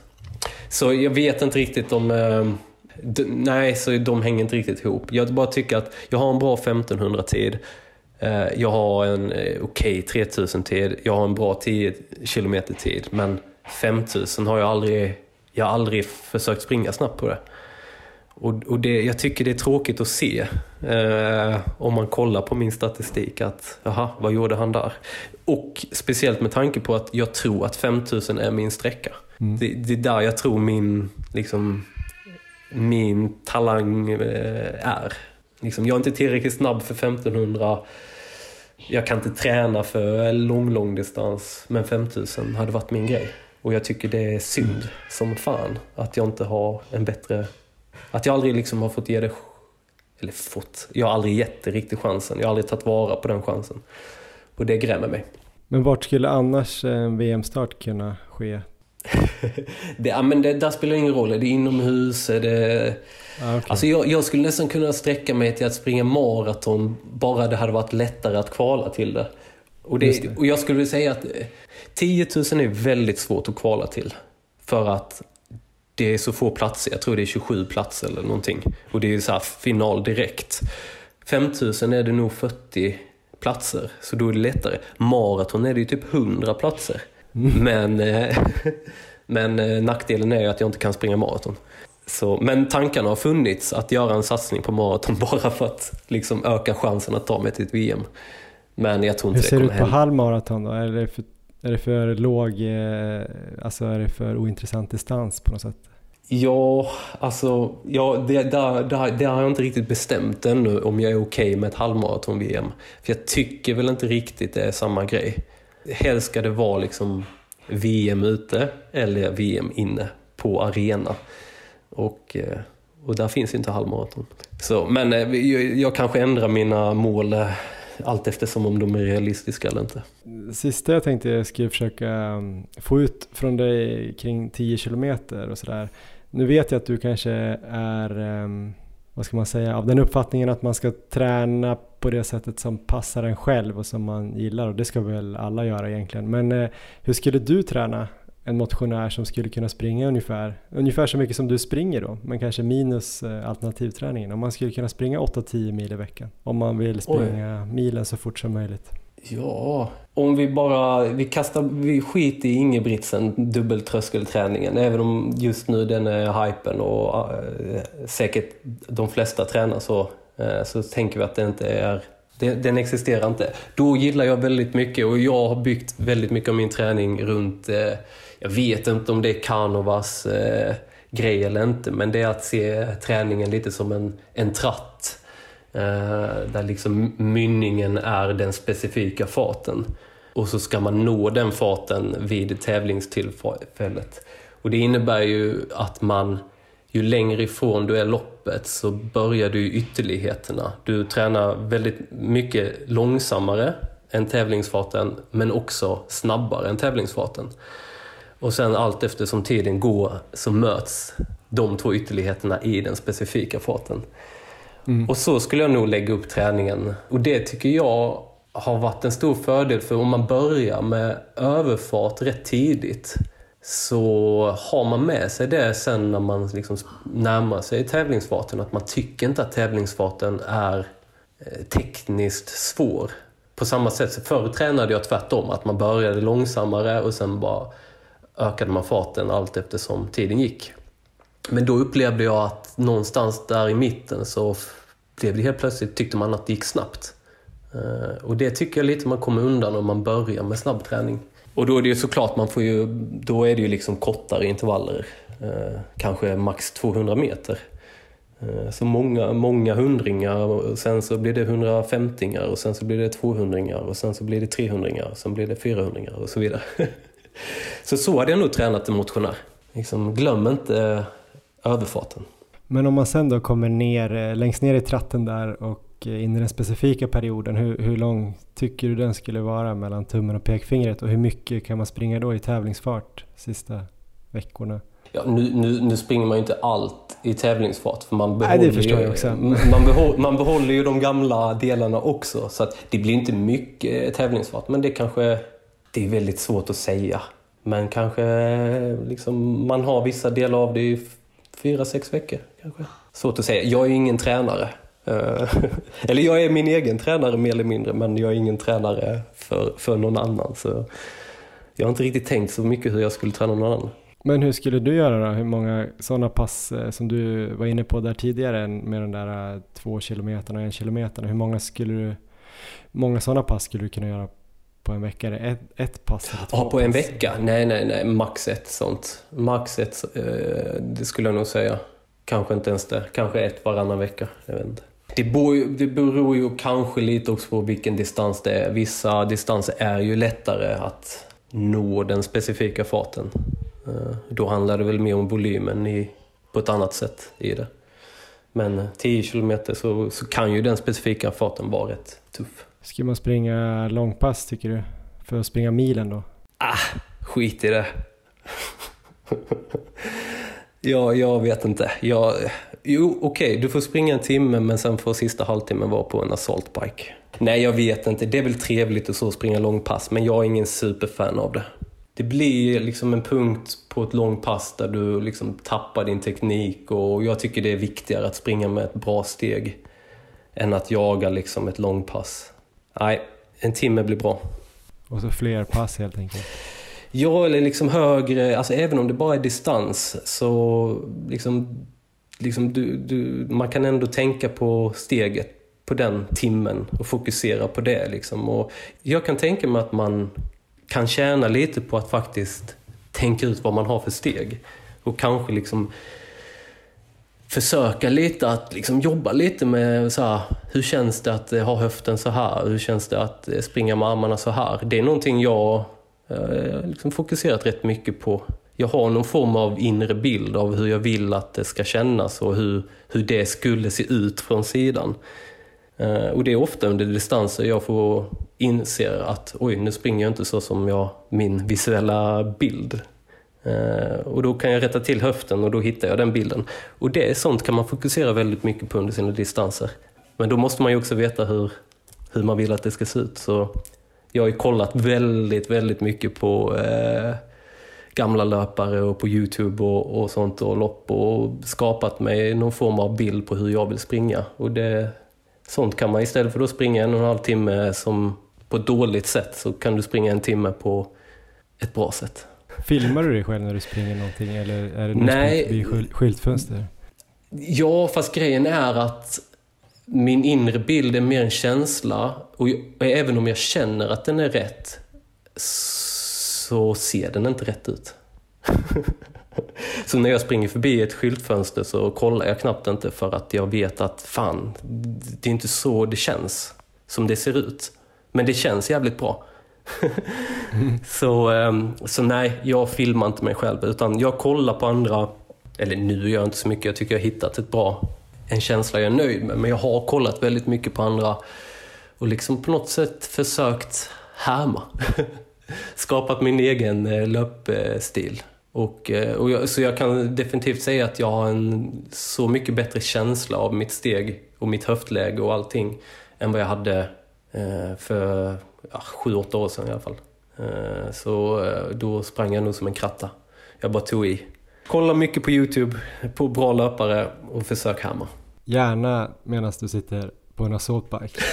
ja, ja, precis. Du kan kolla då. Uh, precis. Ja, men kolla då menar jag. Ja, för det är svårt att få den känslan när man sitter på den uh, cykeln. Men uh, precis, kolla då. Ja, men vi får tacka så hemskt mycket för din tid Jonas Glans och hoppas att du kommer till start i sommar här på minst ett till 10 km lopp då, där du gör under 30 så du förbättrar din, ditt snitt där. Ja, just det. Ja, tack så mycket. Jag ska göra vad jag kan. Ja, men det där var alltså Jonas Glans. Stort tack för den intervjun. Erik Olofsson, eh, snappade du upp någonting intressant som kan hjälpa dig inför 24 eh, timmars SM-loppet? En bra fråga Johan. Vad ska vi ta där då just för det loppet? Ja, men kanske tävla under tävlingen. Det kan vara en bra just grej. För det kan jag ju verkligen göra där, att verkligen se till att man liksom eh, tävlar mot eh, motstånden. Det är ju en ganska intressant grej som inte vi har gjort så mycket själva kanske. Eh. Tror du att det är en bra sak för motionärer eller är det mer för kanske för Jonas Glans och löpare på den nivån, eller kan det vara någonting som man borde göra mer själv också på maror och 10 km lopp och sådär, att hitta några som man vill slå under loppet och liksom fokusera på det? Ja, men jag tror faktiskt att det skulle vara ganska nyttigt, i alla fall för mig, att prova på det där med att tävla mycket mer. Jag har tänkt på det ganska ofta ändå efter tävlingar och jag testade ju ändå en gång att tejpa över klockan där när jag satt mitt halvmara pers i Bålsta på en 16-18. Dock hade jag ju då ganska bra koll på hur det gick i det loppet för jag hade ju en hare som hette Erik Olofsson och eh, så hade vi ju han Mikael Tisjö som sprang och ropade alla 5 km splittar. Så jag visste ju ändå att det gick i ungefär den farten som ja, var beställd eller vad man ska säga. Men eh, jag tror att eh, risken om man springer på exakt på eh, ja, en viss snitttid är ju att man kanske sätter lite begränsningar på sig själv, både fysiska och mentala. En dag som man kanske, en bra dag kanske, där man kanske skulle kunna springa fortare. Att man liksom eh, ändå sätter den här, ah, men jag kan bara springa i 3.30 och så spurtar jag in på slutet under 35. Det hade varit kul att bara testa någon gång att helt strunta i klockan eller då som Jonas kanske har då lite koll då och då vid vissa splittar så att man inte gör något helt galet. Däremot så är det ju svårare på motionärsnivå att veta vem man ska tävla mot. Jag kommer ju aldrig ställa upp i ett lopp antagligen där jag har chans att vinna egentligen. Så då kommer det ju vara som du säger att jag måste titta ut någon i starten där som den här skulle kanske kunna slå eller om det är något lopp i Sverige där jag vet att det är någon som är på ungefär min nivå eller kanske lite bättre och så tänker man bara den här jäveln ska jag spöa. Eh, men då vet man ju inte om den personen kanske har en dålig dag eller om den personen bara springer loppet som en del i sin träning, alltså kanske en tröskel och så får man ingen bra tid ändå. Så jag vet inte, jag svårt, men jag tror nog på det här att bara släppa kontrollen lite och kanske bränna sig i något lopp och då lär man sig nog något om det. Eller så kanske man har något lopp där, där det faktiskt går mycket snabbare än förväntan och så får man väl riskera att komma in någon gång då på så här 3-4 minuter långsammare än vad man hade tänkt. Och så får man väl tänka att oj, nu gick jag inte alls så hårt som jag trodde. Alltså det kan ju gå åt det hållet också, att man blir för bekväm om man inte vet farten. Ja, nej men jag, jag håller med 100% och jag tror det att de flesta, om man tar fem lopp och eh, använder lite med den strategin när man gamblar lite, då kanske man får en full träff och eh, ofta är man väl ute efter en riktigt bra tid. Så att det kan ju vara bästa sättet att få det. Och precis som du är inne på, att eh, förväntningarna vi har på oss själva kan ju begränsa oss. Eh, i den här boken Endure så är Alex Hutchinson inne mycket på det. Han har ju ett exempel där som vi har nämnt tidigare tror jag, när han sprang 1500 meter och han hade väl alltid legat ungefär inom eh, några sekunder där, samma tid och blev liksom inte bättre. Men sen var det ju ett lopp där han fick varvtiderna utropat till sig och de ropade ut dem fel. Så att eh, han trodde att han plötsligt sprang mycket snabbare då än eh, vad han hade siktat på.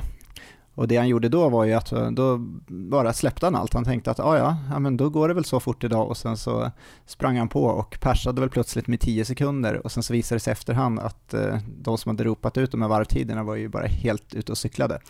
Men eh, då var det ju det att hans förväntningar på sig själv försvann och eh, han bara sprang precis på det sättet som vi är inne på och då ja, plötsligt krossade han perset och eh, efter det så fortsatte han ju förbättras efteråt från att då ha legat inom den här förväntade zonen där lopp efter lopp.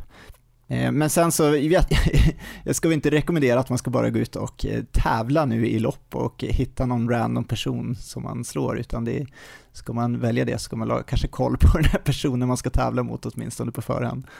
Jag har ju anmält mig faktiskt till eh, två eh, millopp här nere på Mallis i april Eh, ja, efter den här intervjun så har jag faktiskt blivit lite sugen på att eh, experimentera lite i båda de här loppen. Så ena loppet tänker jag att jag ska springa bara med puls och kanske distans eller om det är bra liksom utmätta markeringar.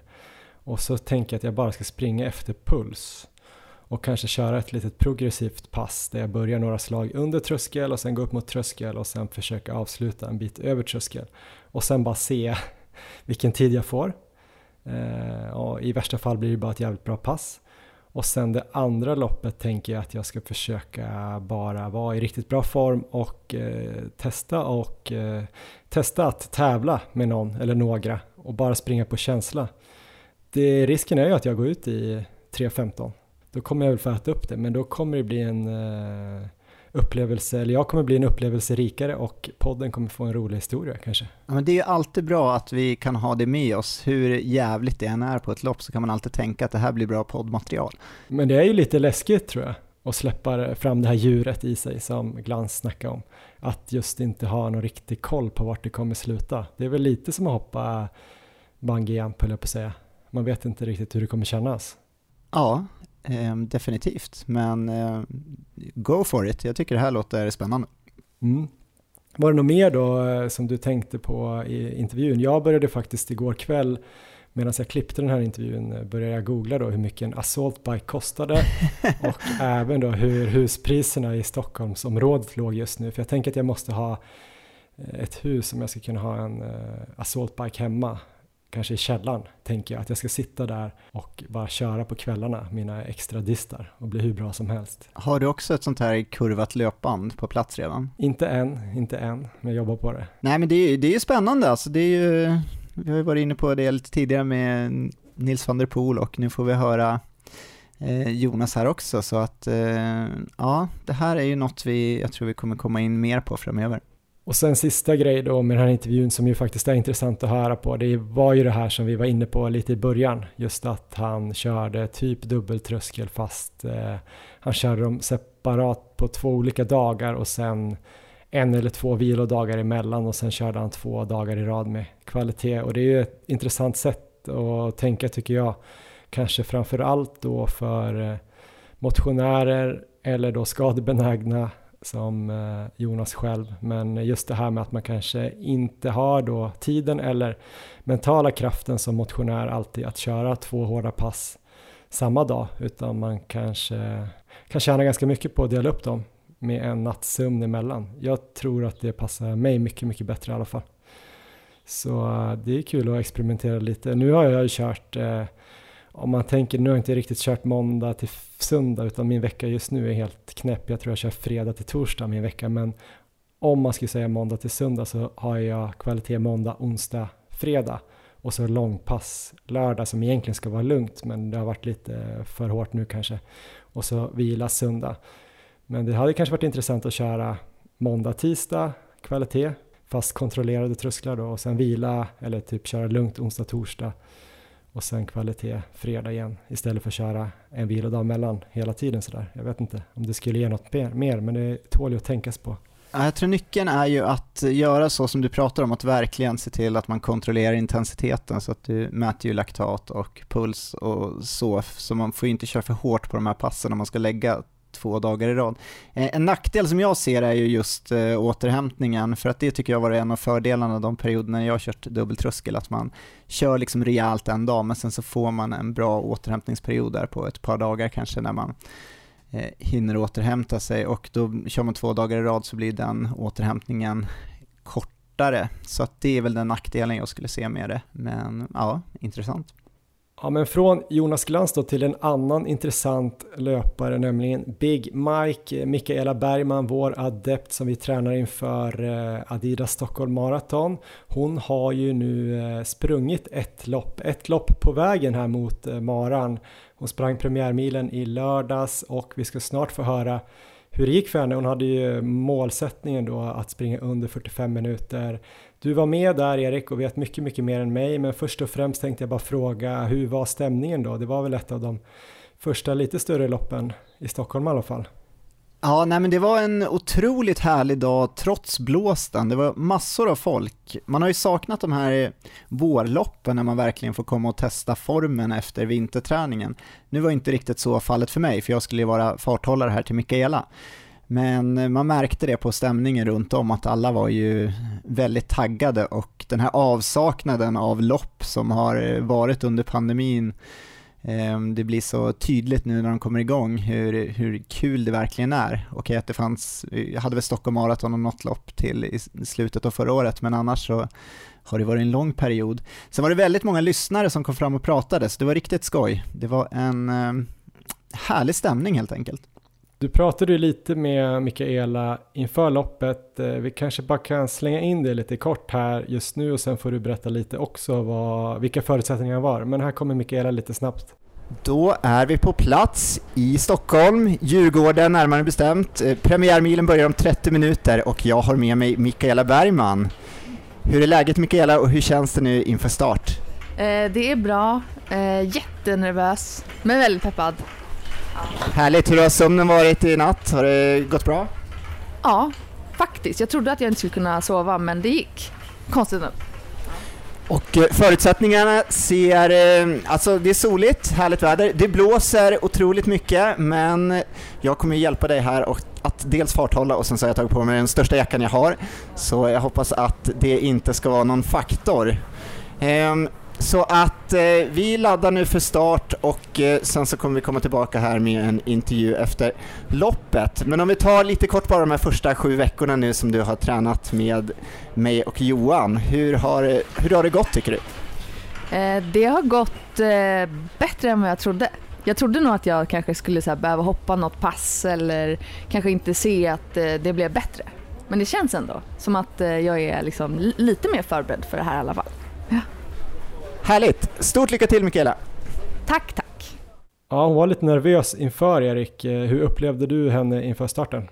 Ja men det var ju precis så, hon var ju nervös men eh, taggad så det var ju mm, precis som det ska vara. Glad och eh, nervös och sådär så att jag hade lite taktiksnack innan där och eh, eh, vi pratade hur vi skulle hantera vinden och eh, sådär, att det kunde bli lite trångt i början. Hur eh, vindskyddad är den här banan? Jag har sprungit den en gång, jag har för mig att det var ganska öppet i alla fall första halvan eller kanske hela loppet men någonstans springer man väl lite in i skogen. Men det kanske var blåsigt där också.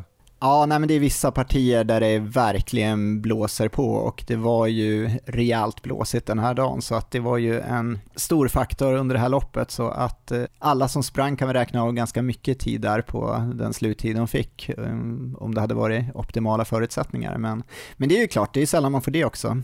Så att eh, temperaturen var ju bra och soligt och härligt. Det är svårt att säga exakt hur mycket man kan räkna av men jag såg ju att eh, Viktor Smångs och Kristoffer Lås sprang riktigt bra lopp runt 30-30 och de har väl båda sprungit ja, Kristoffer precis under 30 som bäst och Viktor precis över 30 som bäst. Så ungefär en halv minut tappade de om de nu var i stor form och gick all in på det här loppet, för det vet man ju inte. Och de sprang i de där bra tiderna på Hässelbyloppet i höstas där, de, eh, där som är lite plattare också. Så eh, ja, men lite grann sparar man ju nog en, en bra dag såklart. Eh, då var det också blåsigt här för mig i Hässelby. Men vi ska lyssna till Mikaela Bergman nu. Erik Olofsson, vår stjärnreporter, fick tag på henne efter loppet.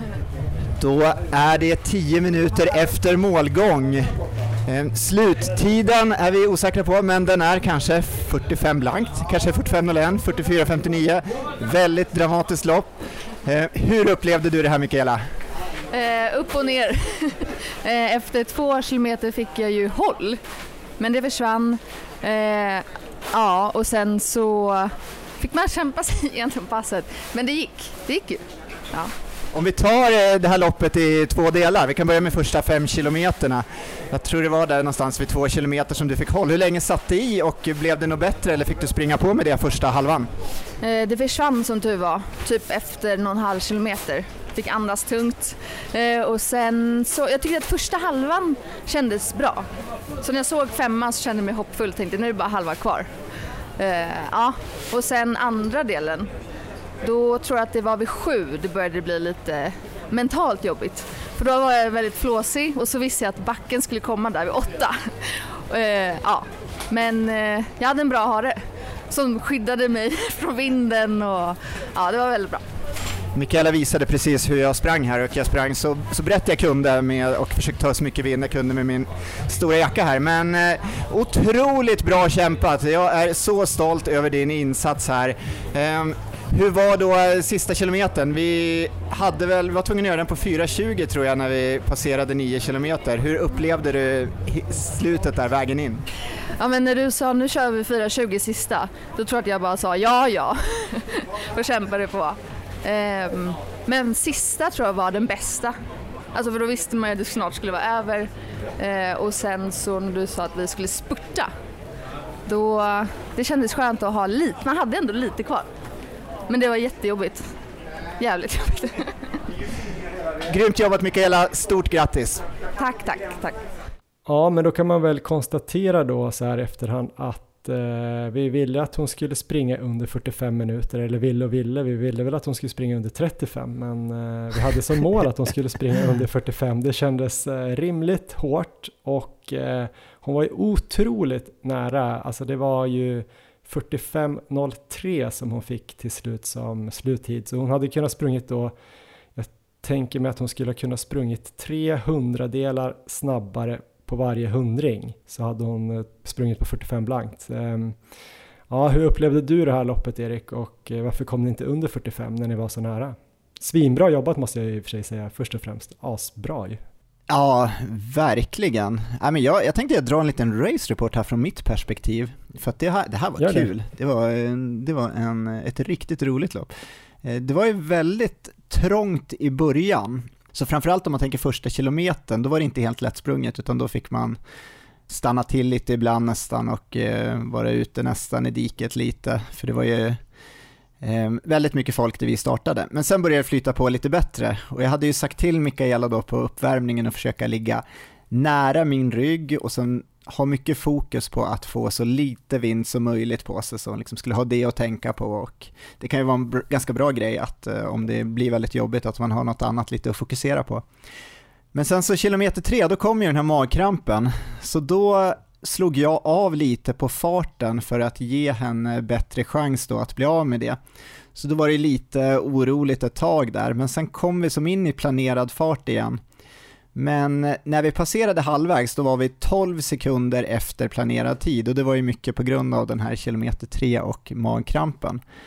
Och eh, hon kändes stark men också att det var ju kämpigt. Hon kunde ju hålla min rygg men det var ju inte så att hon eh, sprang och eh, skrattade, utan det var ju eh, verkligen liksom kämpigt. Och jag vände mig om då och då för att försöka se hur ansträngd Mikaela var där mellan 5 och 8 kilometer och när vi hade nått 8 kilometer då kände jag att nu börjar vi nog ligga nära gränsen. För då var det så här totalt fokus, stora ögon och sen nästan den här lilla desperationen i blicken men samtidigt total beslutsamhet om att inte vika ner sig. Så det var, ganska, det var nästan lite så fint att få eh, se den här känslan så nära. Eh, vi har ju båda befunnit oss i det här läget, liksom där vi 7-8 kilometer när man bara är totalt desperat men kämpar allt man har. Ehm, och ja, jag fick verkligen se hur det ser ut där. Och sen då med en kilometer kvar så ser jag på klockan att vi måste göra den sista kilometern på 4.20 för sub 45. Och det kändes, tyckte jag, som att det var möjligt. Eh, jag visste ju att, även om Mikaela då kanske inte själv visste, att hon kommer ju avsluta riktigt bra in på upploppet. För det kan man ju alltid, även om det inte känns så innan, så har man ju alltid en spurt att ta ut där. Hon har ju väldigt bra fartresurser har vi ju sett här på intervallpassen. Så jag sprang och pushade och peppade rätt hårt där sista kilometern. Och då hade hon lite svårt att hålla ryggen. Jag fick som sakta ner lite och hämta upp henne ett par gånger. Men hon låg verkligen på och pressade allt som fanns. Och det var någon gång där när jag peppade som mest som jag också fick svar, då var det typ så här, ja ja. Eh, och då kände jag att nu, nu börjar jag så närma mig gränsen för vår fortsatta vänskap, så då taggade jag ner lite på peppandet. Fram till upploppet, och där såg jag att vi fortfarande hade 20 sekunder på oss för sub 45. Så då peppade jag på allt jag hade och sen så avslutade vi såg jag i 3.30 fart där sista biten. Och när vi passerar mållinjen så visar min klocka då 45.00 i mål. Så då var det så här, jag hade ingen aning om vi hade klarat det eller inte, men eh, officiell tid blev då 45.03. Men det var en helt otrolig kämpainsats. Hon verkade också direkt efter loppet mycket glad och nöjd. Eh, så att jag hade nog inte pressat ur sig all löpglädje ur henne, även om det kändes som det ett tag där. Ehm. Ja, men jag mässade faktiskt lite med henne på kvällen där, eller eh, mellan då det här loppet och ett bröllop som hon skulle på. Hon skulle vara tärna där på ett bröllop och Just då skrev hon att hon var väldigt glad och igår skrev hon att eh, hon hade varit väldigt taggad och talet hon hade hållit på bröllopet eh, gick väldigt bra och hon var, det kändes som hon hade någon runners high där hela kvällen på bröllopet. Så det, det känns som att eh, det gjorde ett bra jobb och att hon var fortsatt taggad. Ja, härligt att höra. Och eh, om vi går tillbaka till den här frågan då om de här fyra sekunderna. Eh, jag, jag, tror helt ärligt inte det, det fanns att eh, liksom plocka någonstans. Jag funderade på det efteråt. Det känns som vi fick ut typ varenda sekund i det här loppet ut efter förutsättningarna med håll och med vinden och sådär.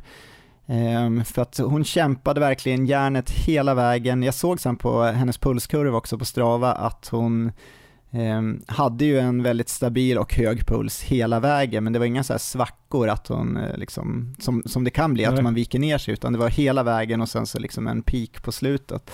Uh, så helt otrolig vinnarskalle, alltså jag är, jag är så imponerad, det var så roligt att uh, vara med och hara på det här loppet. Och 10 km är ju en sån fruktansvärt hemsk distans, så vi får hoppas då att kommande lopp kanske inte behöver bli lika ansträngande.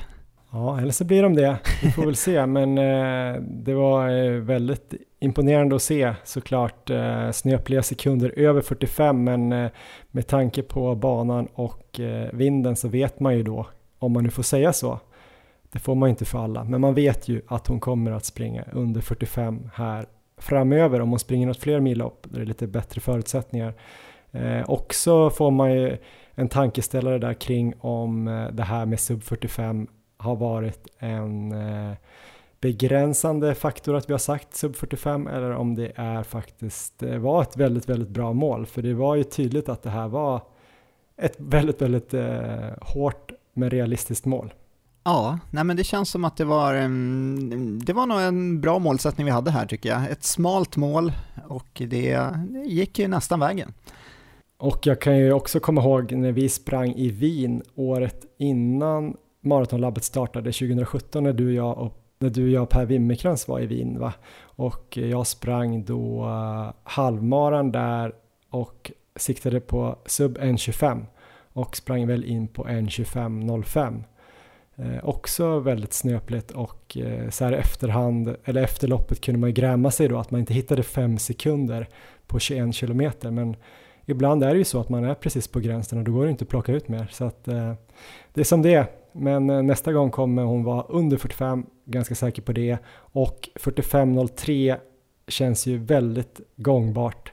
Med tanke då på eh, våra målsättningar på halvmaran som är 1.40 och eh, Stockholm Marathon då som är 3.30. Vi ligger ju verkligen i linje, eller hon ligger verkligen i linje. Vi gör ju inte så mycket.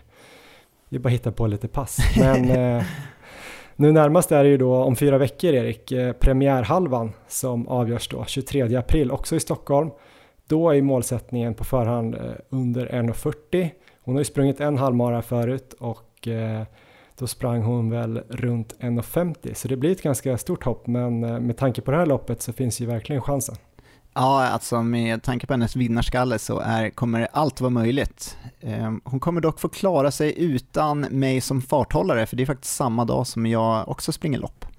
Just det, och jag är ju kvar i Spanien då, så att eh, om någon lyssnar på det här nu och är lite sugen på att hjälpa till att höra under 1.40 så kanske vi kan ordna en startplats. Vi får kolla med maratongruppen och eh, Adidas helt enkelt. Det vore kul, men jag tror hon kan klara det själv ändå så att eh, det blir som det blir, win-win. Men eh, om vi ska snacka lite träningen då, nu är inte Mikaela med oss idag här, hon var ju med i intervjun, men eh, vi blickar ju framåt nu, det är tio veckor till eh, Adidas eh, Stockholm Marathon då. Och eh, det är ju vårt huvudmål, men sen premiärhalvan då om fyra veckor som blir ett delmål. Jag tänker då Erik att eh, den här veckan som kommer kommer väl, det kommer vara några dagar nu med lite lugnare löpning, men sen kommer det bli ett eh, kvalitetspass antagligen på onsdag och sen ska vi springa långpass i helgen. Sen tänker jag att vi kanske bör lägga in lite, det är kul ändå om hon kan göra halvmara riktigt bra, premiärhalvan. Så lite kanske längre intervaller i halvmaratonfart har jag tänkt att vi ska börja lägga in. Yeah. Kanske upp mot 10-12 eh, kilometer totalt då på intervallerna. Jag vet inte hur långt man ska gå. Jag har ju kört lite grann att 3 gånger 4 kilometer i halvmarafart med 500 meters ganska snabb joggvila har varit något sånt här testpass för mig. Kan man eh, gå upp till så hårt tycker du med Mikaela? Eller ska man ha lite snällare? Ja, vi får nog bygga upp till det i så fall. Har inte så många veckor ja, att bygga självklart. på. Men det kan väl kanske vara ett bra eh, slutmål som vi börjar bygga upp mot nu. Mm, jag kommer ihåg att hon har kört 5 gånger 2 då när hon skulle försöka springa i 4.30 fart. Så jag tänker om man börjar där någonstans eh, 3 gånger 3 eller 4 gånger 2,5 i, i någon typ av halvmarafart då som blir kanske 4.45 så tror jag nog att det kan vara ett ganska överkomligt pass för henne. Så lite sånt blir det ju. Eh, sen har jag en annan fråga här. Jag fick ett mess igår och eh, kom ihåg det här vagt i bakhuvudet att hon skrev det när hon ansökte om att få bli vår adept då, att hon hade en anmälan till Paris Marathon. Och Paris Marathon är ju nu på söndag. Ja. Eh, och jag tror redan tidigare att jag sa att mm, det kanske är lite tidigt att springa en mara om du bara sprungit 21 kilometer. Eh, men eh, jag kan ju inte tvinga dig att inte åka till Paris för det är en superhärlig stad och det loppet känns ju också jättehäftigt. Nu har jag nog fått henne att eh, tänka då lite som vi att hon kanske skulle kunna springa det men kanske springa det som veckans långpass. Och det tycker jag låter som en ganska bra idé. Vad tycker du? Eh, ja, så länge hon, bry alltså inte hela då. så länge hon bryter där vid, vad blir det, 27-28 någonstans kanske? Så... Ja men det var det jag tänkte att vi skulle bestämma nu. Ja. Eh, jag var inne lite grann på att hon skulle kanske kunna få springa 30. Hon har väl sprungit 26 som längst. Mm. Men kanske max 30. Jag tänker då ändå med peppen, med vätska, att hon får prova liksom en mara och ta in energi. Men hon får ju då inte springa i femfart såklart som hon vill göra ibland på, på sina långpass utan kanske snarare om hon kan ligga runt 15-5.30. Ja, nej men det tycker jag låter som en, eh, det låter ju som ett verkligt kul pass. Eh, viktigaste, precis som du är inne på, hålla nere farten så att det inte blir i någon slags maratempo för att där är vi inte ännu. Eh, och sen så träna på, träna på att ta in energi. Det är ju mm. kul. Verkligen, och jag tror att 30 km var ungefär vid Eiffeltornet, så det kan ju vara mäktigt att få springa dit i alla fall. En bra mållinje helt enkelt. Ja, vi kommer lägga upp eh, Mikaelas schema här nu för de närmaste två veckorna kommer vi ha lagt upp eh, idag då, måndag när vi spelar in det här. Så gå in och kolla där så får ni alla hennes pass för de närmaste två veckorna om ni är sugna på att eh, hänga på eller få lite inspiration till hur hon tränar då inför att springa Stockholm Marathon under 3.30. Vill man ha annan typ av hjälp så kan man ju också eh, gå in då och anmäla sig till Stockholm Marathon nu och så kan man anmäla sig med koden KLAR10. Då kan man få ta del av då eh, Anders Alkais träningsprogram som heter då Mara Klar på 10 veckor. om man nu tänker att eh, man inte kan hänga på våran träning, så eh, kan man helt enkelt eh, anmäla sig med klar 10. Då får man det här eh, Mara klar på 10 veckor schemat gratis och då får man då ett konto på den här träningssidan tränarmaraton.se och så har man tillgång till träningsprogrammen samt all annan service där. Man får då instruktionsvideor som visar mer än 35 olika träningsmoment för löpträning och så får man då dagens träningspass mejlat till sig varje dag. Det kan också vara kul. Jag tror i och för sig att vårt program kommer vara bättre, eller hur Erik? ja, man får välja helt enkelt. Jag skämtar lite. Det kommer vara svinbra. Zacke är ju ett geni när det gäller träning. Ja, men det här ska bli spännande att följa framöver. Erik då, hur eh, förberedde du dig de närmsta fyra veckorna då mot eh, SM på 24 timmars? Ja, men jag har två veckor till där jag vill springa med riktigt hög volym, så att jag hoppas på två stycken 20 mils veckor här. Sen kommer jag lätta upp de två sista veckorna, framförallt sista veckan kommer jag ta det väldigt lugnt eh, och med två veckor kvar så kommer jag gå ner lite i volym. Jag kommer fortsätta med den här strategin jag har nu, att jag plockar bort eh, kvalitetspassen i löpning där jag springer snabbt, alltså bara för att inte riskera att dra på mig någon känning igen här på slutet. Nu vill jag bara få in eh, hög volym egentligen, för det vet jag brukar driva fram bra form för mig och då kommer jag känna att jag är väl förberedd. Sen blir det också, styrketräning har jag hållit igång riktigt bra med hela året. Det kommer jag fortsätta med fram till sista veckan. Och sen kan det nog bli något eh, tröskelpass på cykel också som komplement. Ja men det börjar ju närma sig, det känns ju otroligt kul. Nu har det varit en lång vinter med väldigt många mil och att nu loppet snart ligger framför en, det känns, känns verkligen som typ julafton när man var liten så att jag kan inte vara mer taggad än jag är just nu så att eh, eh jag ser fram emot det här väldigt mycket. Själv då? Jo, men jag kommer nöta på här med mitt upplägg och köra ganska mycket kvalitetspass och sen försöka springa långpass i bergen. Mitt mål är ju att springa då alla sträckor av den här eh, leden som går i bergskedjan här, den heter ju GR 221. Eh, så tanken är ju att jag ska fortsätta med att beta av lite sträckor. Jag sprang ju mellan Sojer och Tosalsverds heter det här förra veckan. Det var otroligt brant mellan kilometer 4 och 10. Jag tror att jag hade 700-800 höjdmeter där på 6 kilometer. Då sprang jag inte jätte, jättemycket ska jag säga. Eh, sen blev det lite bättre löpning, men eh, det var otroligt fint i alla fall. Så det håller jag på med.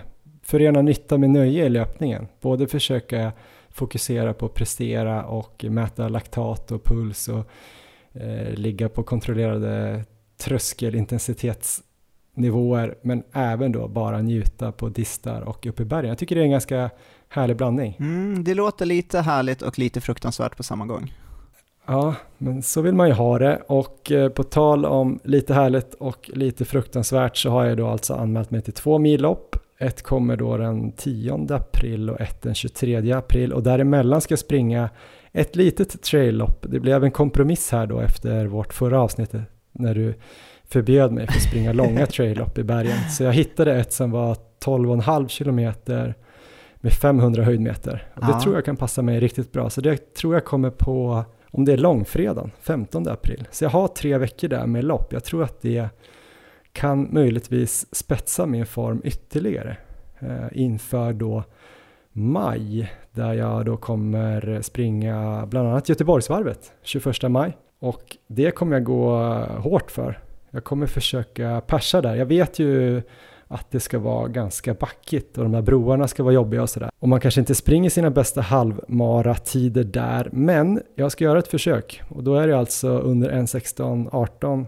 som gäller 21 maj. Vi får väl se hur det går och jag tror både du och jag kommer åka dit och vi kommer åka tåg dit över dagen med SJs löpartåg. Eh, ser mycket fram emot. Ja, men det blir ju fantastiskt roligt. Jag kommer ju inte springa för fullt i det loppet, det är ju någon månad där efter SM på 24 timmar, men jag kommer springa.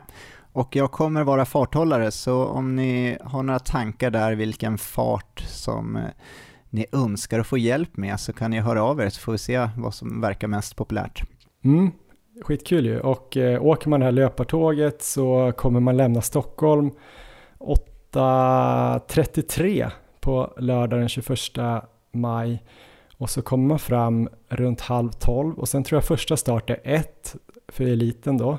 Så då har man en och en halv timme på sig i stan där innan, innan första start och sen om man då åker löpartåget då får man hamna i sämst startgrupp 8 oavsett vilka pers man har. Och det är väl för att man ska hinna med tåget hem då sen.